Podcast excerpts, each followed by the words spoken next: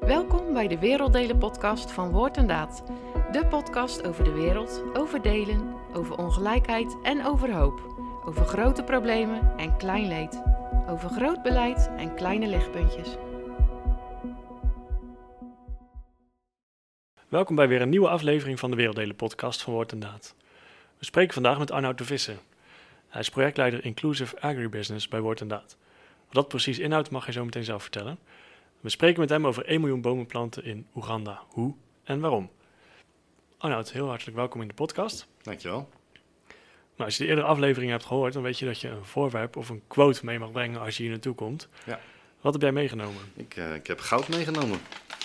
Ik hoop dat het niet te veel kraakt in de microfoon, maar het is natuurlijk geen echt goud. Het is uh, bijenwas. En uh, ik weet niet of de camera het goed kan zien, maar het is echt een stukje bijenwas wat zo uh, drie weken geleden uit uh, Oeganda is meegenomen. En ik noem het goud omdat het ja, voor mij heel erg symbool staat voor wat we met de boeren doen. Hoe we proberen de boeren zeg maar vooruit te helpen. En dat is iets wat eigenlijk een, een proces is wat in de loop der jaren steeds verder ontwikkelt. Dus in dit geval zijn we ooit met de honing begonnen. En uh, inmiddels zien we gewoon dat imkers een enorme kans hebben om ook uh, de bijenwassen op de internationale markt te brengen. En daarom noem ik het een beetje ja, noem ik het goud, omdat het iets is wat voor hetzelfde werk kunnen ze straks gewoon veel meer inkomen uh, krijgen.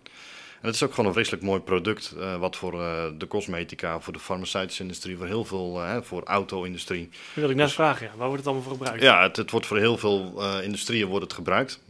en er is ook heel veel vraag naar. En een andere reden waarom ik het goud noem is omdat uh, de manier zoals Oeganda uh, bijen houdt uh, en, en, zoals Oeganda eruit ziet, is eigenlijk, ja, in, in Nederland of Europa zouden dat biologisch boeren noemen. Dus eigenlijk is het biologische bijenwas bij simpelweg hoe ze het, ja, hoe ze het verbouwen. En dat moet nog wel gecertificeerd worden enzovoort enzovoort. Maar dat proces, nou, daar uh, maakt woord en daad zich sterk voor. En dat betekent straks dat ze gewoon uh, een, een, paar dollar extra kunnen krijgen voor, uh, voor hetzelfde werk. En dat klinkt nu niet zo heel veel. Maar dat maakt voor deze imkers echt een heel groot verschil uit. Nou, mooi. We duiken er gelijk middenin. Ja. En nog even iets over jouzelf. Hè. Je komt van de middelbare school. Je, ja, welke keuzes maak je en hoe kom je dan op die met je vrouw in Mozambique terecht? Ja, ja, dat vroeg zij zich ook af. Nou, het was eigenlijk simpel. Ik had bedrijfskunde gedaan. Ik was bezig met een wat wetenschappelijk onderzoek. En ik dacht, nee, dit is beslist niet. Dus ik ben uh, echt een praktijkmens. Nou, wat praktijkonderzoek gedaan, onder andere in uh, Suriname en Kenia. Er kwamen wat onderwerpen naar boven borrelen. Waardoor we eigenlijk zeiden van, wat zou het mooi zijn om de theorie die ik op school geleerd heb, hè, dus bij bedrijfskunde, wat zou het mooi zijn om die hier in deze context toe te passen. Um, dus eigenlijk uh, op een gegeven moment samen met Mike en mijn vrouw inderdaad gezegd... Uh, laten we op zoek gaan naar een mooie kans om onze talenten te gebruiken. In, uh, in dit geval in Afrika, want we wilden graag naar Afrika. Toen zijn we in, in Mozambique in Afrika uitgekomen. Nou, daar hebben we wat arbeid of wat werk gedaan. En ja, op een gegeven moment ontwikkel je in de loop der jaren. En nou ja, hoe kom je in Mozambique en hoe kom je ook weer terug uit Mozambique? Dat was eigenlijk omdat onze oudste zoon inmiddels toen vier werd... En uh, toen zijn we terug naar Nederland gekomen. Want we wilden heel graag dat hij ook een, uh, ja, een moedertaal had, een eigen taal en een cultuur. En welk ja. werk hebben jullie daar gedaan? Uh, ik heb vooral in de agrarische sector gezeten. Dus gewerkt voor een bedrijf wat bijvoorbeeld cashew processing deed. Een waterflessenfabriekje opgezet. En dus in Nederland ben ik daar niet zo fan van, van die plastic flessen, maar daar is het noodzaak. oliepersfabriek en dat soort dingen. Dus echt allemaal zeg maar het verwerken van de agrarische producten in nou ja, een toegepast product. Mooi. Noem je dat ook ontwikkelingssamenwerking of is het echt bedrijfsmatig? Of, of is dat een uh, onderscheid wat niet zo makkelijk te maken is? Voor mij loopt dat heel sterk door elkaar heen. En dat zie je ook in het werk wat we met woord en daad en uh, hoe Incluvest Fair Factory werkt.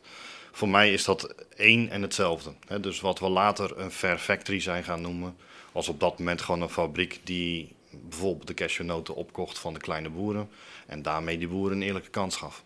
Dus eigenlijk het Fair Factory principe was al uh, aanwezig? Dat zat er toen al in. Ja. ja. dat zijn we later zo gaan noemen. Ja. En uh, dat is daar denk ik, uh, en natuurlijk daarvoor al, maar dat, dat idee is daar, komt daar vandaan. Ja. Je bent nu projectleider Inclusive Agribusiness. kun je kort samenvatten waar dit programma voor staat en ja. wat het inhoudt? Ja, inclusive agribusiness, ja, dat is natuurlijk een Engelse term. Het betekent eigenlijk de agrarische sector. En die proberen we te ontwikkelen op een manier dat uh, ook vrouwen, kansarme mensen. ik zal straks misschien komen nog wat spreken over een voorbeeld van blinden die imker worden. Nou, op die manier proberen we eigenlijk voor alle mensen in Oeganda een, sector te, ja, te ondersteunen, efficiënter te maken. Waardoor zij dus ook de producten die ze verbouwen ook nou, aan de keten kunnen verkopen en daarmee in hun levenshoud kunnen voorzien. Dus daar de, ons, ons programma, zeg maar IA, Inclusive Agribusiness, is echt bezig met de, de hele keten. Dus, dus we beginnen bij wijze van spreken met de toeleveranciers. We kijken naar de boeren of de imkers of de vissers of nou ja, net waar het uh, zich afspeelt. En dan proberen we die te linken aan de markt. We proberen te kijken naar eerlijke partijen die daarin ook zeg maar, de producten kunnen verwerken voor lokaal gebruik of soms ook voor uh, nou ja, bijvoorbeeld noten. Cashewnootjes is al een paar keer op tafel gekomen of bijenwas. Nou, dat zijn producten die gaan de internationale markt op. En dat is dus ook op een gegeven moment een kans die nou, met een aantal partijen ontwikkeld moet worden. Ja, en het heet inclusive, dus inclusief. Hoe uh, werkt dat precies? Welke, om welke groepen gaat het dan precies die erbij betrokken worden? Ja, eigenlijk alle groepen. dus het zijn niet alleen de mannen met land, maar ook de vrouwen zonder land. Of ik noemde net al de blinden, hè, dus de, de mensen met afstand tot de arbeidsmarkt, als dat zo heet. Uh, dus eigenlijk juist iedereen. En dat kan. Uh, we begonnen net over het bijenproject. Uh, we gaan het straks over agroforestry, over bomen hebben. Nou, dat zijn allemaal dingen die afhankelijk van de sector en het land zijn er altijd bepaalde groepen die juist achterblijven. Nou, ik had net het voorbeeld van de bijen was. We zijn in Oeganda nu bezig met een project waar we ook heel erg werken met uh, de vluchtelingen. Dus er zijn in Oeganda zijn er heel veel vluchtelingen uit omliggende landen. Nou, dat zijn ook typisch mensen die zeg maar heel lastig in hun eigen onderhoud kunnen voorzien. Dus daar specifiek ook uh, is, is bijvoorbeeld bijenhouden, imkerij, is daar heel geschikt voor. Mooi. Kun je daar nog iets meer over vertellen over dat project? Uh, we hebben daar ook nog de ambitie om uh, 1 miljoen bomen te planten. Kun je de omgeving eens een beetje schetsen en wat doen wij daar dan precies? Oeganda. Ja. ja. Nee, Oeganda is, uh, is een uh, land wat uh, ja, eigenlijk omringd is door andere landen, dus het heeft geen eigen haven. Ehm, het ligt dus in Oost-Afrika. Er wonen naar schatting om en nabij de 40 miljoen mensen. Nou, er zijn een aantal grote steden, maar veel mensen, ruim 80% woont sowieso in de gebieden buiten de steden. Het bestaan daar is vooral zeg maar, het, het, het verwerken van groenten en andere producten op een stukje land er zijn gebieden waar dat vrij goed gaat. Als je door Oeganda rijdt, zie je dat er plekken zijn waar uh, heel veel heel makkelijk groeit. Je zult, uh, het zal je opvallen als je naar uh, het oosten rijdt of, of, naar het westen, dat je dan ziet dat er heel veel bananenbomen zijn. Dat zijn dan ook producten die ze lokaal heel veel gebruiken als hoofdvoedsel. Ik zal maar zeggen, de rijst en de aardappels zoals wij die kennen. Daar maken ze ook pap van, toch? Of een soort pasta? matokka, ja. Dus dat is inderdaad een soort van, het lijkt een beetje op geprakte banaan, laat ik het zo maar even zeggen. Maar het smaakt echt wel een beetje anders. Ja. En die poeder die je misschien bedoelt, die shima heet dat in mm. uh, de gebieden waar ze uh, Swahili spreken. Dat is echt een soort van meer maïsmeelachtig iets. Dus dan maaien malen ze gewoon het, uh, stampen ze het meel. Dus dat zijn die klassieke beelden van de vrouw die dan zeg maar in zo'n grote houten pot zeg maar, met zijn grote boomstam staat te stampen. Oh, ja. Ja. ja. Kan je nog iets meer vertellen over het, uh, over het bijenproject waar je de honing vandaan hebt uh, meegenomen? Ja, ja, we zijn een aantal jaar geleden zijn we begonnen om uh, te kijken naar Oeganda als land. Hoe kunnen we hier vanuit woord en daad uh, ja, ontwikkeling promoten, proberen te brengen. En toen uh, had een voorganger van mij, Wim Simons, die had eigenlijk gezien dat de, de imkerij, dus de bijensector, een hele interessante ingang is voor, voor agricultuur in het algemeen. Om de eenvoudige reden dat die bijen natuurlijk de planten die de boeren verbouwen ook bestuiven. En het algemeen bekend is dat zo'n beetje een derde van wat er op je bord terechtkomt, of tenminste een kwart van wat er op onze borden ligt, is, is dankzij de bijen. omdat zij er uiteindelijk voor zorgen dat al die planten de bestoven worden. Nou, daardoor neemt, brengt de opbrengst per hectare, zoals we dat dan uitdrukken, neemt enorm toe.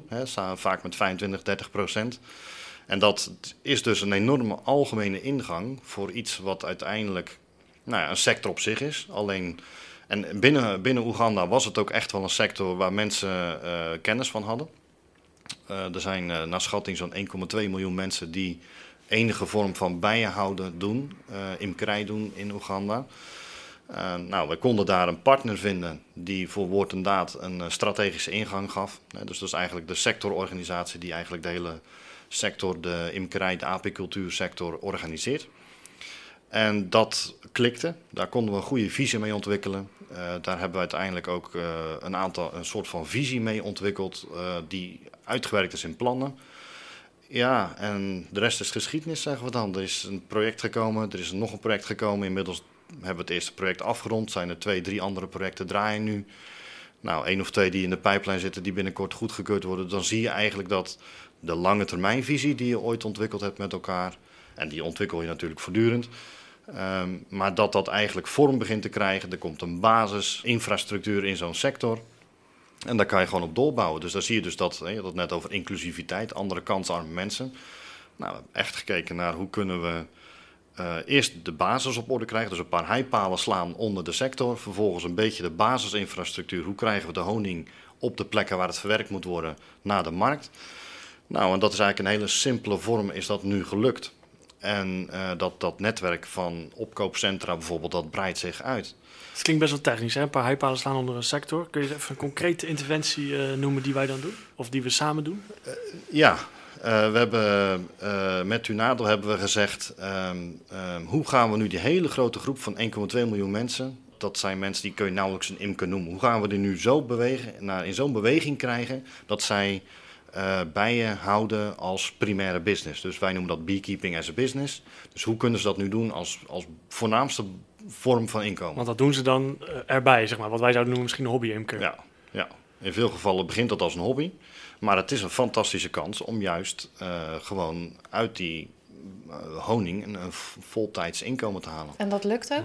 Dat lukt. Of, je okay. ziet dat lukken, ja. ja. Maar wat heb je daarvoor nodig? Nou, dat is op een soort van mentorschap. Hè? Want Oeganda heeft helaas niet, zoals bijvoorbeeld Ethiopië, een heel uh, dicht netwerk van allemaal mensen vanuit de overheid die die mensen kunnen trainen. Dus, dus die mensen die staan een soort van op zichzelf. Hmm. Hoe begin je? Nou, dat doe je door uh, de, paar, de modelboeren, wij noemen dat B-champions.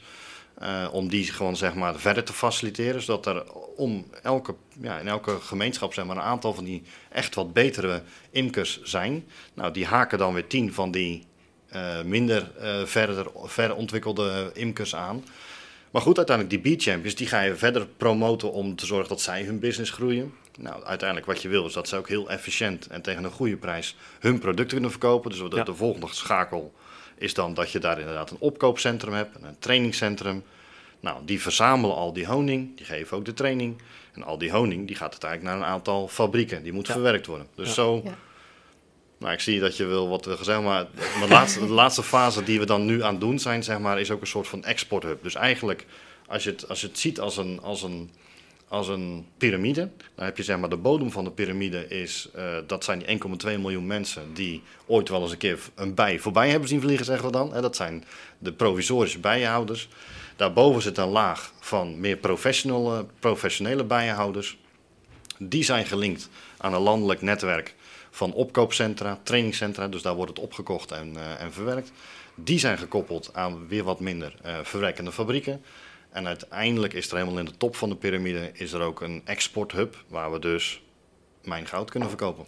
En uh, is dat alleen export uh, in Oeganda zelf of het omringende land of ook naar Europa? Waar moet ik dan aan denken bij export? Honing is primair en alleen voor de lokale uh, markt. Hè. Dus de, op dit moment blijft alle honing in Oeganda. We vinden het ja. ook helemaal niet zinvol, omdat er is nog steeds heel grote vraag naar honing in Oeganda. Het is ja. nog een netto exporteur. Uh, importeur. Dus uh, dat heeft geen zin. Dat doen we dus ook bewust niet. Uh, al zouden daar best wel kansen liggen. Maar dat willen we niet. Um, de export voor bijenwas, hè, dat hadden we al gezegd, de, automo de automobielindustrie bijvoorbeeld. Ja, dat is dus allemaal in Japan of noem het maar op. En dat zijn dus echt exportmarkten. En die worden nu al aangeboord, die exportmarkten? We zijn heel voorzichtig begonnen. Ja, ja. ja, een van de problemen die er, nou daar ga ik heel erg de diepte in, maar Um, er is op dit moment een enorme uh, flessenhals uh, voor de boeren, de imkers in Oeganda, om, om deze export op deze honing, deze bijenwas te exporteren. Dus dat is nou typisch iets wat Woord en Data dan ook doet. Dan zeggen we van oké, wat is nou het probleem? Ik heb dit meegenomen om te laten analyseren in het lab. Ehm, wat gaat er, hè? dan proberen we terug te redeneren, wat is er nou precies fout gegaan? Dat gaan we proberen op te lossen. En dan heb je die flessenhals weggenomen, zodat die bijenwas, waar enorm veel potentie voor is, ook binnen Oeganda om die dan echt zeg maar, uh, te gaan uh, vergulden. Dat wil ik net vragen, want het begint allemaal bij die kleine boer die dan wel eens een bij voorbij heeft zien vliegen, zeg jij. En die, die moet op de duur dan, of die kan op de duur, als die mee wil doen, een stap maken in kwaliteit. Ja. Wat voor dingen gaat het, gaat het dan om? Wat hij dan bijvoorbeeld kan leren of verbeteren? Een van de belangrijkste dingen is natuurlijk dat hij eh, de basis op orde krijgt. Maar dat is grappig genoeg niet heel ingewikkeld. Er zijn, je kunt met lokale middelen, een holleboomstam, met hele eenvoudige middelen kun je een lokale eh, bijenkast maken. En daar kan je prima resultaten mee halen. En dan kun je gerust 8, 9 kilo honing uithalen. Als je het goed doet zelf. Wel 15. En dat is goed genoeg voor eh, die export of voor... Het punt zit hem heel erg, hoe ga je ermee om? Dus kijk, die, die lokale boomstam, hoe, hoe oogsten ze de honing? Dat is vaak door die bijen eruit te roken. Hmm. Nou, en dat heeft een enorm eh, destructief effect op die bijenhoning, of die honing. Dus een bijenkast van een boomstam gebruiken is niet het probleem. Daar kan je prima mee wegkomen. Als je vervolgens de boel maar niet in de fik steekt, zodat die, dat die honing... Hè, dus dat, dat zijn de, de eerste stapjes die je moet doen. En eh, ja, ze noemen het in eh, Oeganda honey hunting. Dus er zijn heel veel bijenvolken die gewoon daar in de bomen wonen. En eh, wat ze doen is, is eh, zichzelf helemaal inpakken. met een paar stenen, zeg maar, die dat nest uit de boom kegelen en dan de honing oogsten. Ja, dat heeft natuurlijk niks met bijen houden of met imkerij te maken. Dus om ze echt zeg maar, bekend te maken met die volken, hoe, hoe leven die beestjes, hoe werkt dat, hoe werkt dat hele... Zo'n kolonie is natuurlijk een ingenieus volk wat samenwerkt. Hoe, hoe gaat dat precies? En dan, ja, wat we dan in het Engels noemen de post-harvest eh, handling. Dus hoe ga je met die honing om? Net wat ik zei, als je de boel in de fik steekt, dan, gaat, dan kun je er verder niet zoveel meer mee. Nee. Dat stinkt, dat, dat smaakt niet lekker. Maar als je dat soort basale dingen verbetert, dan zie je eigenlijk dat mensen in één klap hun honing kunnen gaan verkopen. En daarna, en dat is eigenlijk de cruciale stap die ze moeten zetten. Ja, Maar wie doet dat dan? Wie, wie traint eh, die boeren, zeg maar? Onze partner. Dus in dit geval zeg maar die, die, hon- die sectororganisatie Tunado, afgekort heten ze. Eh, dat is eigenlijk onze partner. Die zorgt eigenlijk voor, eh, op een landelijk niveau voor training en voor trainers. Wereldwijd gaat het niet echt goed met de bij. Heeft dit eh, daar ook nog invloed op? Ja, de meningen zijn wat verdeeld of het wereldwijd niet, niet goed gaat met de bij. Oh, dus, nou ja, het, het, sommige plekken gaat het natuurlijk helemaal niet goed. Andere Mm. plekken gaat het fantastisch goed. Ehm, je ziet dat er wel echt effecten zijn. Bijvoorbeeld, je hebt het misschien over Nederland. Ja, het was ra- hè, een ramp afgelopen decennia. Maar je ziet ook wel dat met bepaalde veranderingen in het gebruik van landbouwgif... dat er wel wat verandert. Je ziet dat er in ieder geval in Oeganda verschrikkelijk veel potentie is. Oké. En daar, eh, ja, daar zit niet echt ook een grens aan. Hè? Want eigenlijk, eh, ja, je had het net over die miljoen bomen die willen gaan planten. Het is natuurlijk wel zo dat elke bij die eh, was of honing of een van de vele andere producten die een bij kan maken, om die te kunnen maken, hebben ze bloemetjes nodig. Daarom hebben we ook een droom om te zorgen dat die bijen. eh, aan de ene kant werken we met de mensen die steeds meer bijen kunnen gaan houden. Aan de andere kant willen we dus ook vooruitdenken en zeggen van oké, ehm, stel nu dat we inderdaad een miljoen bomen kunnen planten. Met bloemetjes, bijvoorbeeld cashewbomen of avocadobomen of macadamiabomen. Ja, dan, dan zijn er weer een heleboel bijenvolken die daar weer heel goed werk in zouden kunnen doen. En die dan ook weer bestaansrecht hebben. Liggen die plannen al op tafel? Ja. Mooi. Of misschien liggen ze nog niet op de goede tafel. Nee. Maar ze, liggen, ze zitten in ieder geval in onze hoofden. Ja, Een team is ermee bezig, hè, dus we werken heel nauw samen met de mensen in Oeganda. En eh, ja, we zijn, dat bestaat, dat idee eh, komt in een seconde en de uitwerking kan wel een half jaar of een jaar duren. ja. Ja. Ja, er zijn ook steeds meer projecten hè, die zich richten op bomen planten en vergroening. Ja. Ik denk bijvoorbeeld aan Just Dig It of Trees for All. Ook de Ethiopische overheid die ruim 200 miljoen bomen plant in 2019. Ja. In een eerdere podcast met collega Renaat hadden we het over het vergroenen van de Sahel. Wat maakt het vergroenen een goed idee en waarom heeft het een plek in ontwikkelingsprojecten? Ja, dat, het- ik, voor mij is, eh, raakt het de kern. Want de eerste vraag die, of een van de eerste vragen die je stelde was eh bijenhouden. Waarom bijenhouden? Nou, omdat het een goede ingang geeft tot al het andere. Dus die bomenplanten, die vergroening waar je het over hebt. eh, wij richten ons op efficiënte waardeketens. En, en de Fair Factory fabrieken die richten zich op, op het verwerken van die producten in, in voedsel. Dus in lokaal voedsel of in exportproducten. Dat gaat fantastisch mooi samen met de kansen die eh, de vele Afrikaanse boeren gezamenlijk, maar zeker ook bijvoorbeeld de Oegandese imkers hebben, om het verschil te maken op de wereldvoedselmarkt. Op dit moment zien we Afrika eh, veelal als een continent waar veel honger is, en helaas is dat zo. Maar wat we ook wel zien, is dat, ehm, kijk, hier in, Nederland zijn we dankzij uh, Wageningen hebben we enorme efficiency slag kunnen maken. Ehm, als het gaat over uh, wat aardappels per hectare opbrengen. maar dat doen we op een manier die weinig uh, met de natuur te maken heeft. Een soort van, ja, dat zeg ik een beetje krom. Dat is niet helemaal, dat is niet helemaal eerlijk wat ik zeg. Maar we hebben veel gif nodig. We hebben veel uh, kunstmest nodig. En, en, en, en ik vind het ontzettend knap. Ik heb buitengewoon veel waardering voor hoe dat zeg maar, in de loop der jaren ontwikkeld is. Maar je ziet ook wel een bepaalde kentering waarvan we zeggen: oké, maar wat nu als al die vele miljoenen kleine boertjes in Afrika niet per se allemaal enorm gaan voor schaalvergroting, kunstmest, gif. Nee, maar juist veel meer voor een voedselbos. Waarin ze kijken naar, ehm, stel nu dat je een aantal, ja, in het Engels noemen we dat dan een economical carrier. Dat is eigenlijk een, een, een soort van draag, een drager, een economische drager van, van zo'n voedselbos. Kan je voorstellen als avocado's uh, een dollar per stuk kosten bij ons, of twee dollar per stuk zeg maar kosten dat het voor die boeren uiteindelijk, als je dat eerlijk regelt, ook een interessante business is. Hetzelfde geldt voor cashewnootjes. Je weet wat macadamia-noten kosten. Nou, dat zijn een aantal producten die kunnen daar heel goed groeien. Uh, op het moment als je daar dan een, in die beperkte kleine tuintjes van die, van die boeren ook een aantal andere producten kan doen. Hè, want nu zijn ze vaak bezig met het verbouwen van, van tomaten of uh, mais. Nou, keurig kunnen ze gewoon een beetje blijven doen. Maar ga daar nu ook wat bomen boven zetten. Plant daar nog wat andere gewassen bij. Het liefst ook planten die elkaar versterken want um, behalve dat een boom uh, licht en water nodig heeft, heeft een boom bijvoorbeeld ook stikstof nodig. Nou, er zijn heel veel planten, bijvoorbeeld chiazaad, uh, wat stikstofbinders zijn. Hè. Dus dat zijn dan planten die versterken eigenlijk, die, die, die promoten het, het leven van die boom. Waardoor je eigenlijk, als je dat goed, en daar zijn we op dit moment met Wageningen Universiteit ook naar aan het kijken. Als je dat nu vanuit verschillende invalshoeken goed kunt inregelen voor die boeren. Dus een aantal producten waar goed geld mee te verdienen is. Een aantal producten waar ze uh, op de lokale voedselmarkt uh, mee uit de voeten kunnen. Een aantal producten voor hunzelf. Nou, als je dat een, een mooie mix van kunt maken, dan, dan, dan roepen we met z'n allen, gaan we een miljoen bomen planten. Maar de droom daarachter is, dan gaan we eigenlijk alle kennis die we opgedaan hebben over agroforestry, dus over bosbouw, landbouw, voedselbossen, gaan we eigenlijk toepassen op die heel veel kleine boeren in Oeganda bijvoorbeeld. En daarmee ga je zien dat zij een enorm potentie hebben om, nou ja, de toekomst uh, zal het uitwijzen, maar om dus inderdaad voedsel te, te, te groeien voor ons. Ja, meer diversiteit ook. Meer Biodiversiteit. Er zijn heel veel andere redenen waarom je dit wil. Ja. dus je vroeg nu een van de. Maar de belangrijkste is het omdenken in. Uh, ach, die arme kleine Afrikaanse boertjes. Tjonge, tjonge, wat is dat toch allemaal zielig? Naar hé, hey, maar allemaal bij elkaar.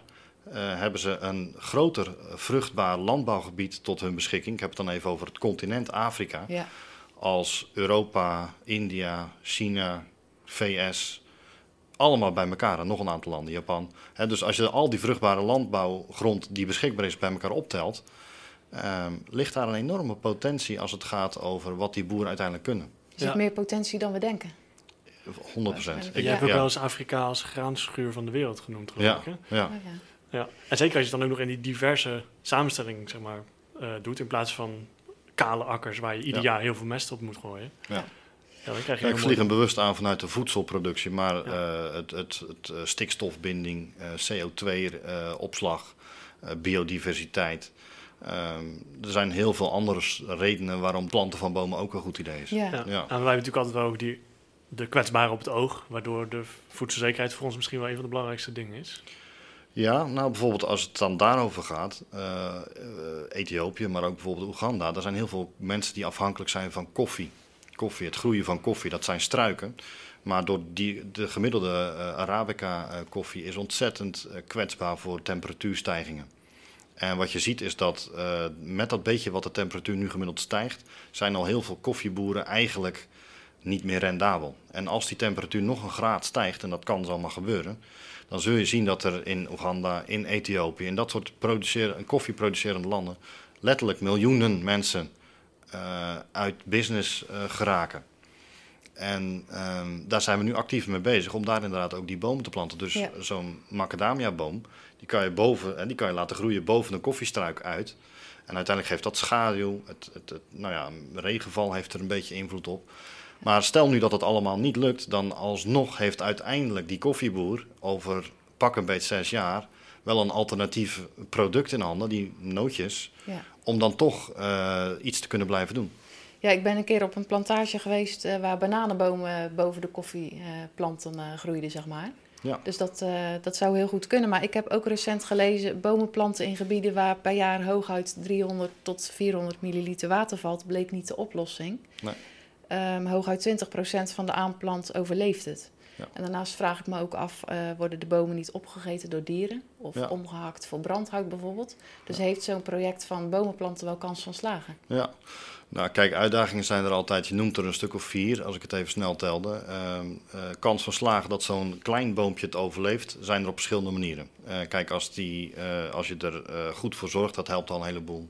Het opeten van dieren, dat is natuurlijk wel een risico. Hè? Als jij daar geiten houdt en je laat dat aan je boom knagen, ja, dat gaat niet goed. Dus het heeft wel echt, daarom ook dat ik denk dat het makkelijker is voor een klein, kleinschalige boer. Dus zeg maar de kleine boer, zoals we die een beetje kennen van dat Als die er goed voor zorgt, eh, dat helpt al een heleboel. Er zijn allerlei technieken, door bijvoorbeeld met kartonnen dozen en daar dan eh, ja, dat vochtig houden. En er zijn allerlei trucken waardoor die kans op, eh, op overleving veel groter is. Ja. Wat wij juist zien, en dat is ook een reden waarom we ooit, een klein redetje, maar toch een belangrijke geweest, eh, waarom we ooit met die bijen, met de imkers begonnen, is die snappen eh, heel goed eh, dat de bijen moeten eten. Dus die kappen zo snel geen bomen om waar bloemetjes aan zitten. Nee. Dus ehm, onze imkers, tussen aanhalingstekens, die zullen zo snel geen bomen omkappen voor brandhout.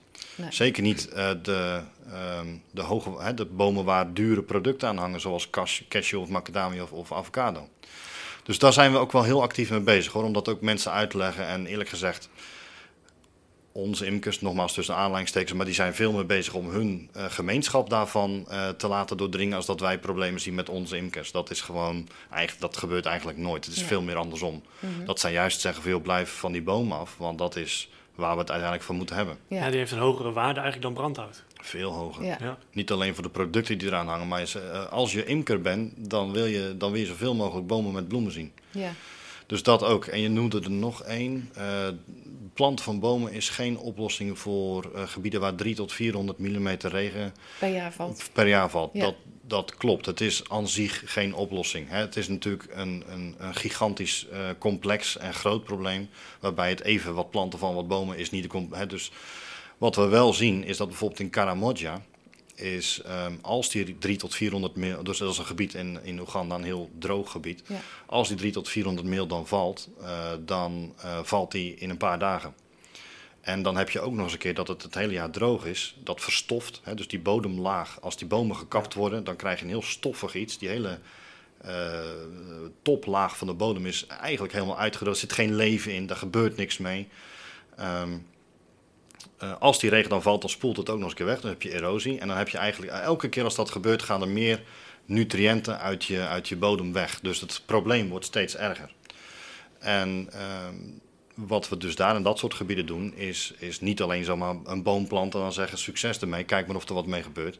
Nee, da- daar zit een, daar zit een heel eh, een, een project omheen. Een soort waterirrigatieproject. Nou, bijvoorbeeld het, het, het, het, een, een simpel plekje, zodat het, eh, als, de, als het gaat regenen, dat er dan zeg maar dat, dat in een gul, hè, dus dat het water blijft staan ook. Nou, dat stukje gewoon bepaalde soorten heel droogteresistente grassen. Eh, dat dat, de- alles gaat er uiteindelijk om, om die bodem weer tot leven te brengen. En het water vast te houden. En het water vast te houden. En uiteindelijk ook, eh, als je dat op stevige schaal doet, dus niet als jij dat alleen in je achtertuin doet, eh, of, of, of als het incident, maar als je dat vanuit gemeenschappen benadert, zoals wij dat proberen te doen vanuit woord- en daadwerk, dan zie je dat dat wel in ieder geval ehm, eh, op de schaal waar wij werken, zie je gewoon dat er gewoon weer door het jaar heen gewassen gebouwd Dat kan dus, hè? als iets verwoestijnd is, ja. dan komt het gewoon weer ja, tot leven. Ja, ja.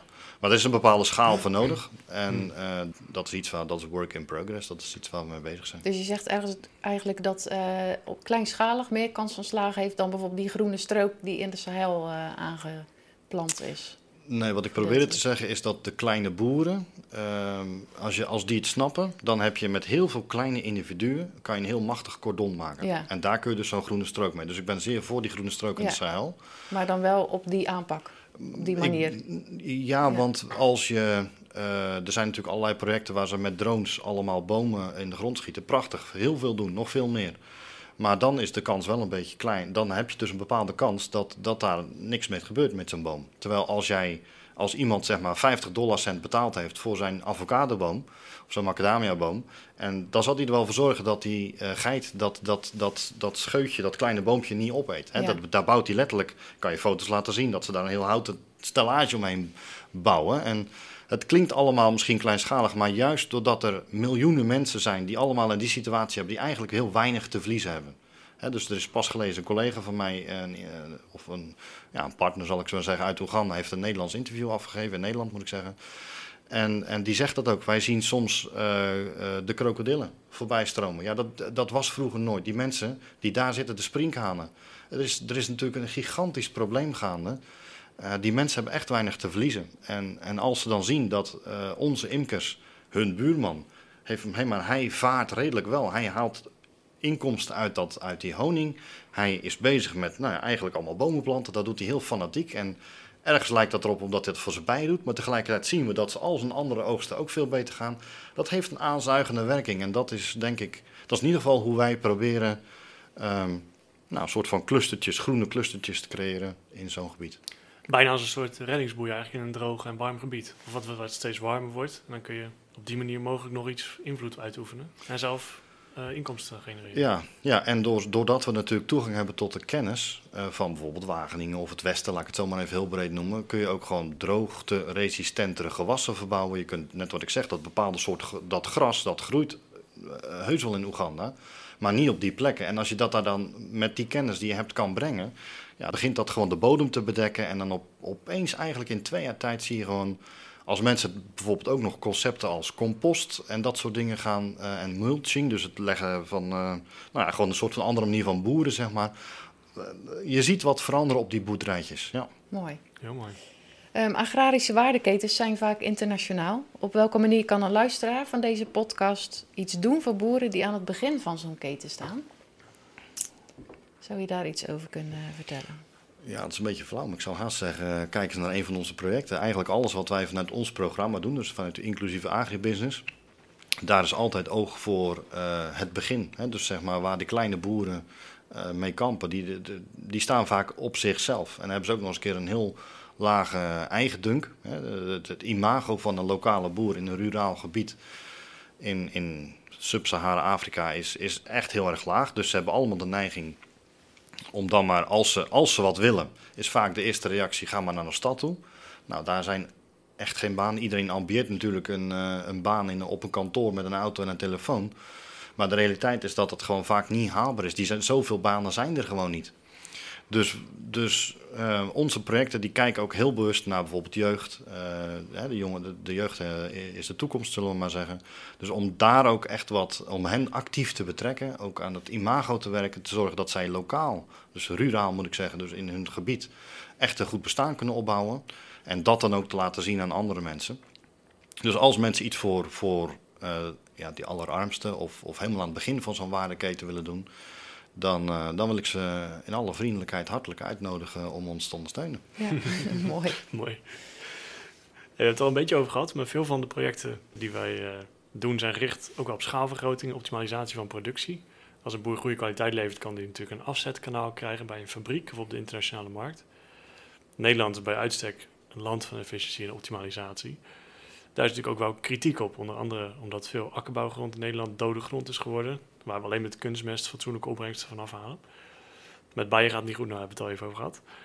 Uh, dat, dat, uh, dat daar discussie over is. Mijn vraag is, slaan we met het verbeteren van het boerenbedrijf wel de goede weg in? En ligt er ergens een grens aan verbetering en schaalvergroting? Een grens aan verbetering niet, maar aan schaalvergroting denk ik wel. Uh, de boeren in uh, Oeganda, of de imkers, die hebben, als ze al land hebben... dus wij werken ook heel veel met vrouwen die gewoon geen landrechten hebben...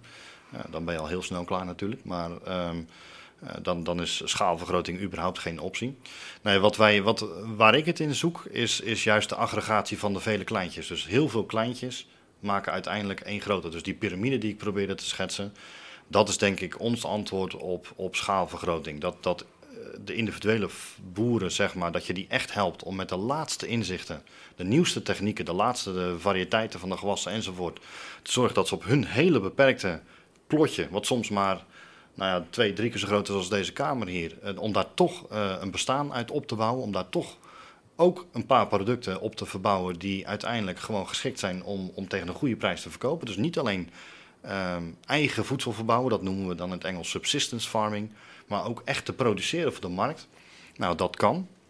Daar spelen die fair factories, dus die voedselverwerkende fabrieken, spelen gewoon echt een cruciale factor in. Dus die hebben de capaciteit. Moet je je voorstellen dat je een paar miljoen dollar investeert in zo'n fabriek. Maar die hebben dan ook de capaciteit om van al die kleine boeren dat tegen een fatsoenlijke prijs op te kopen. Ja. Zodat die boeren er ook echt van kunnen leven. En dan in zo'n fabriek eh, voeg je waarde toe. Dus dat is op dat moment eh, de bestaansrecht van zo'n fabriek. En die heeft dan ook weer de markt of de capaciteit om het eh, weg te zetten op de markt. Dus schaalgrootte, ik zoek het niet zozeer dat al die kleine boeren, in, al zouden ze het al kunnen, want ik zou niet weten hoe dat zou moeten, maar al zouden ze het al kunnen om allemaal een gigantisch grote commerciële eh, plantage of, of, of landbouwgrond. Ja, en dan met tractoren en, en, en spuit, het spuiten van gif en dat soort dingen. Het is gewoon niet reëel. Het, eh, ze, ze hebben het land niet, dus ik zou niet weten hoe het zou moeten. Maar al zou het, het zou het ook niet, al zou het wel kunnen, zou ik het ze niet aan, aanbevelen. En Ja. krijgen de boeren ook een eerlijke prijs ehm, door de voedselverwerkende fabrieken die het opkopen, zeg maar? Krijgen ze wel een eerlijke prijs voor hun ehm Ja. waar? Ja, en die, die piramide die ik probeerde te uitleggen zojuist, eh, zat er ook een, de, zat er ook een, dat opkoopcentrum zat er ook tussen. Dat zijn ofwel coöperaties van boeren, of dat zijn, eh, nou, dat kunnen ook bedrijven zijn, maar dat zijn allemaal eh, die, die opkoopcentra, die trainingscentra, zeg maar, die hebben allemaal eh, de gelegenheid om ook in individueel contact met die boeren te zorgen dat die boeren ook betere kwaliteit gaan leveren. Dus wij zijn niet, eh wordt promoot niet eh, dat, dat, dat fabrieken eh, te hoge prijzen gaan geven of enorm meer betalen als de markt. Nee, wij helpen juist om de boer betere kwaliteit te laten leveren. Dus een van de, dan krijgen we zo'n Engelse term, maar dat, dat is dan betalen voor kwaliteit. Dus als jij honing levert aan de fabriek of aan in dit geval het opkoopcentrum, ehm, dan krijg je betaald voor de kwaliteit die je levert. Als je melk levert, dan krijg je betaald voor de kwaliteit die je levert. Dus gooi je er heel veel water bij bij je melk, eh, heeft dus een heel laag vetpercentage, krijg je ook een lagere prijs. Als je dat niet doet, hè, dus wij trainen jou echt om, om te zorgen dat jij betere honing of betere rijst of welk product dan ook eh, levert, dan krijg je daar ook naar betaald. Dan zorgen wij ook dat wij in die fabriek dat gewoon kunnen verwerken, dat we die kwaliteit vasthouden. En zeg maar eh, in de goede markt, in het goede marktsegment op de markt brengen. Nou, dat is dus, eh, dat is denk ik, ja, het heet Fair Factory. De wereld is vol met woorden als fair. eh, soms ook als marketingbegrip, heel vaak als marketingbegrip. Uiteindelijk wat, wat wij nastreven vanuit woord en daad, is dat de activiteiten die onze boeren doen, onze imkers doen, onze vissers doen, dat zij daar echt van rond kunnen komen. Dat is dan niet gefundeerd op het sponsoren of het geven van geld of het geven van onrealistische bonussen. Nee, dat is gewoon een eerlijke prijs voor het product wat ze levert. En wij, wij helpen dan om te zorgen dat dat een dermate grote schaal heeft, dat je er gewoon goed van kunt leven. Het vraagt best wel wat van zo'n opkoopcentrum, toch? Om, Ja. om echt te investeren in die boer. Ja, dat doet het ook. En daarom dat we, we werken met verschillende partners. Eh, in veel gevallen zijn het bijvoorbeeld ook coöperaties. Dus dan hebben de boeren zich ooit al eh, georganiseerd in zo'n coöperatie. En die helpen wij dan echt met het meer ontwikkelen van een, eh, een business mindset. Dus dat ze beter begrijpen hoe de kosten-batenstructuren eruit zien. Eh, we, we, voeden ze, zal ik maar zeggen, met kennis over hoe dingen eh, geoptimaliseerd kunnen worden. hoe ze beter en slimmer kunnen werken, efficiënter kunnen werken. Nou, we boren soms andere markten voor ze aan, zodat ze ook gewoon betere prijzen kunnen krijgen. Ja, dat is dat. Is dat hè. Dus dit voorbeeld wat ik hier meebracht, dat is iets dat is, ik noem dat voortschrijdend inzicht. Ooit zijn we begonnen met honing. En, en toen we die basisinfrastructuur op orde hadden, toen realiseerden we ons, en dat wisten we natuurlijk van tevoren wel al een beetje, maar dachten we van hé, hey, nu zijn we klaar voor de bijenwas. Dit is het moment dat we dit goud kunnen gaan ontginnen. Dat kon daarvoor niet. Het was er wel, we zagen het wel. Maar we konden daar nog niet bij. Nu wel. En straks gaan we de volgende stap doen en nog een stap. En zo is denk ik, uiteindelijk uh, ga je toe naar zo'n inclusieve en een efficiënte waardeketen. Heel mooi. Mooi. Wordt inderdaad vindt het belangrijk om de allerarmsten te bereiken. Hoe dragen de Inclusive Agribusiness projecten daaraan bij? Het zijn natuurlijk vaak mensen die al wat land hebben. Of nou, kun je daar eens op reflecteren? Ja, de allerarmsten zijn niet de mensen met land. De allerarmsten zijn mensen zonder land. Ja, ik, ik heb het al even genoemd, maar bijvoorbeeld die, die, wij hebben een, een project, een klein, een relatief klein project, maar met een blindenschool. Mensen die blind zijn, die uh, aanvankelijk, uh, die we erbij getrokken hebben, eh, in een van onze projecten om bijenkasten te maken.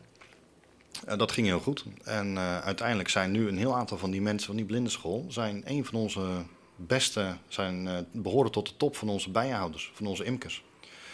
Wie had het gedacht? Iemand die blind is in Oeganda, kan je verzekeren, die heeft niet zo bar veel kansen. Dat zijn echt wel mensen die, hebben, die staan wel met 3-0 achter. Weinig toekomstperspectief. Die hebben echt weinig, echt weinig perspectief. Maar door uh, uiteindelijk uh, een beetje goede wil van onze partner en uh, wat inzicht en wat andere con connecties, hè, doordat we wat bereikt hadden in de sector, zie je dus dat de mensen ook zeggen van hé, hey, maar daar willen wij al meedra mee, meedragen, aan meedoen. Hebben die mensen kunnen trainen. En tot onze eigen verbazing is dat, is dat gewoon is dat gelukt. Ik moet eerlijk zeggen, ik geef dat voorbeeld vaker, omdat ik het voor mezelf ook echt een eye-opener vond, een, een openbaring vond om te zien hoe zij eigenlijk als blinde uh, ontzettend goede resultaten als imker kunnen krijgen. Ongelooflijk, Heel mooi. mooi. Ja. In jouw verhaal zien we dat verandering uh, best complex is, kan zijn. De weg uit armoede is een weg met veel uh, hobbels en kuilen. Zie jij een weg vooruit in Oeganda, om het ja. even concreet te maken? Ja. Ja, ik zie wel een weg vooruit, ja. ik denk dat wij heel pragmatische mensen zijn het feit dat we het stapje voor stapje doen. Hè, dus dat we onze, onze stip op de horizon, wat we willen. Uh, uh, ik zal niet alles op tafel leggen, maar uh, een miljoen bomen is dan typisch iets. Dat heb ik denk ik een half jaar geleden voor het eerst geroepen. En daar zijn we dan nu zo'n beetje achter de schermen mee bezig. Dat zie ik echt wel gebeuren. Niet vandaag, niet morgen, maar wel dat gaat. Lange termijn. Dat gaat wel komen. Ja. En zo zijn er nog een aantal dingen waarvan we denken dat het. Je moet het faseren richting. je, je moet het heel pragmatisch inpakken en plannen en stapje voor stapje. Maar binnen ons team gebruik ik altijd de uitdrukking: uh, uh, hoe eet je een olifant? In schijfjes. Dus je snijdt het probleem in kleine stukjes en langzaam pak je elke keer een stukje op. Ja, ik kan heel lang praten over hoe ik denk dat, dat deze sector, dat Oeganda er over tien jaar uitziet. Ik heb daar wel dromen over. Het zijn hoe verder weg in de tijd, hoe minder specifiek de dromen zijn. Ehm, maar ehm, nou ja, bijen was. Ik heb liever niks meegenomen. Dat is iets, als we dat goed voor elkaar kunnen krijgen, hebben we gewoon een gigantische deur opengeschopt. En die miljoen bomen, nou, dat zou ook mooi zijn als die er komen. Dus zeker een weg vooruit, als ik je ja, begrijp. Zeker. Mooi. Ja. Ik heb de laatste vraag voor je. Wat motiveert jou om je werk te doen? Ik denk dat we allemaal uh, talent hebben gekregen. En het is, uh, denk ik, uh, onze opdracht. Maar het is ook uiteindelijk het mooiste als je als je, je talent kunt gebruiken om daarin ook iets uh, te ontwikkelen. En dus ik denk dat uh, veel mannen gebouwd zijn om iets te maken. Nou, dit is gewoon heel concreet. Hier ben je gewoon echt met mensen aan het bouwen aan iets uh, dat zij tot bloei kunnen komen. Dus dat is denk ik wat me drijft. Ja. Mooi, dankjewel voor het dankjewel. gesprek. Bedankt dat je luisterde naar deze podcast. Heb je vragen of suggesties voor de volgende aflevering? Neem contact op via podcast.woordendaad.nl Over twee weken zijn we er weer. Tot dan!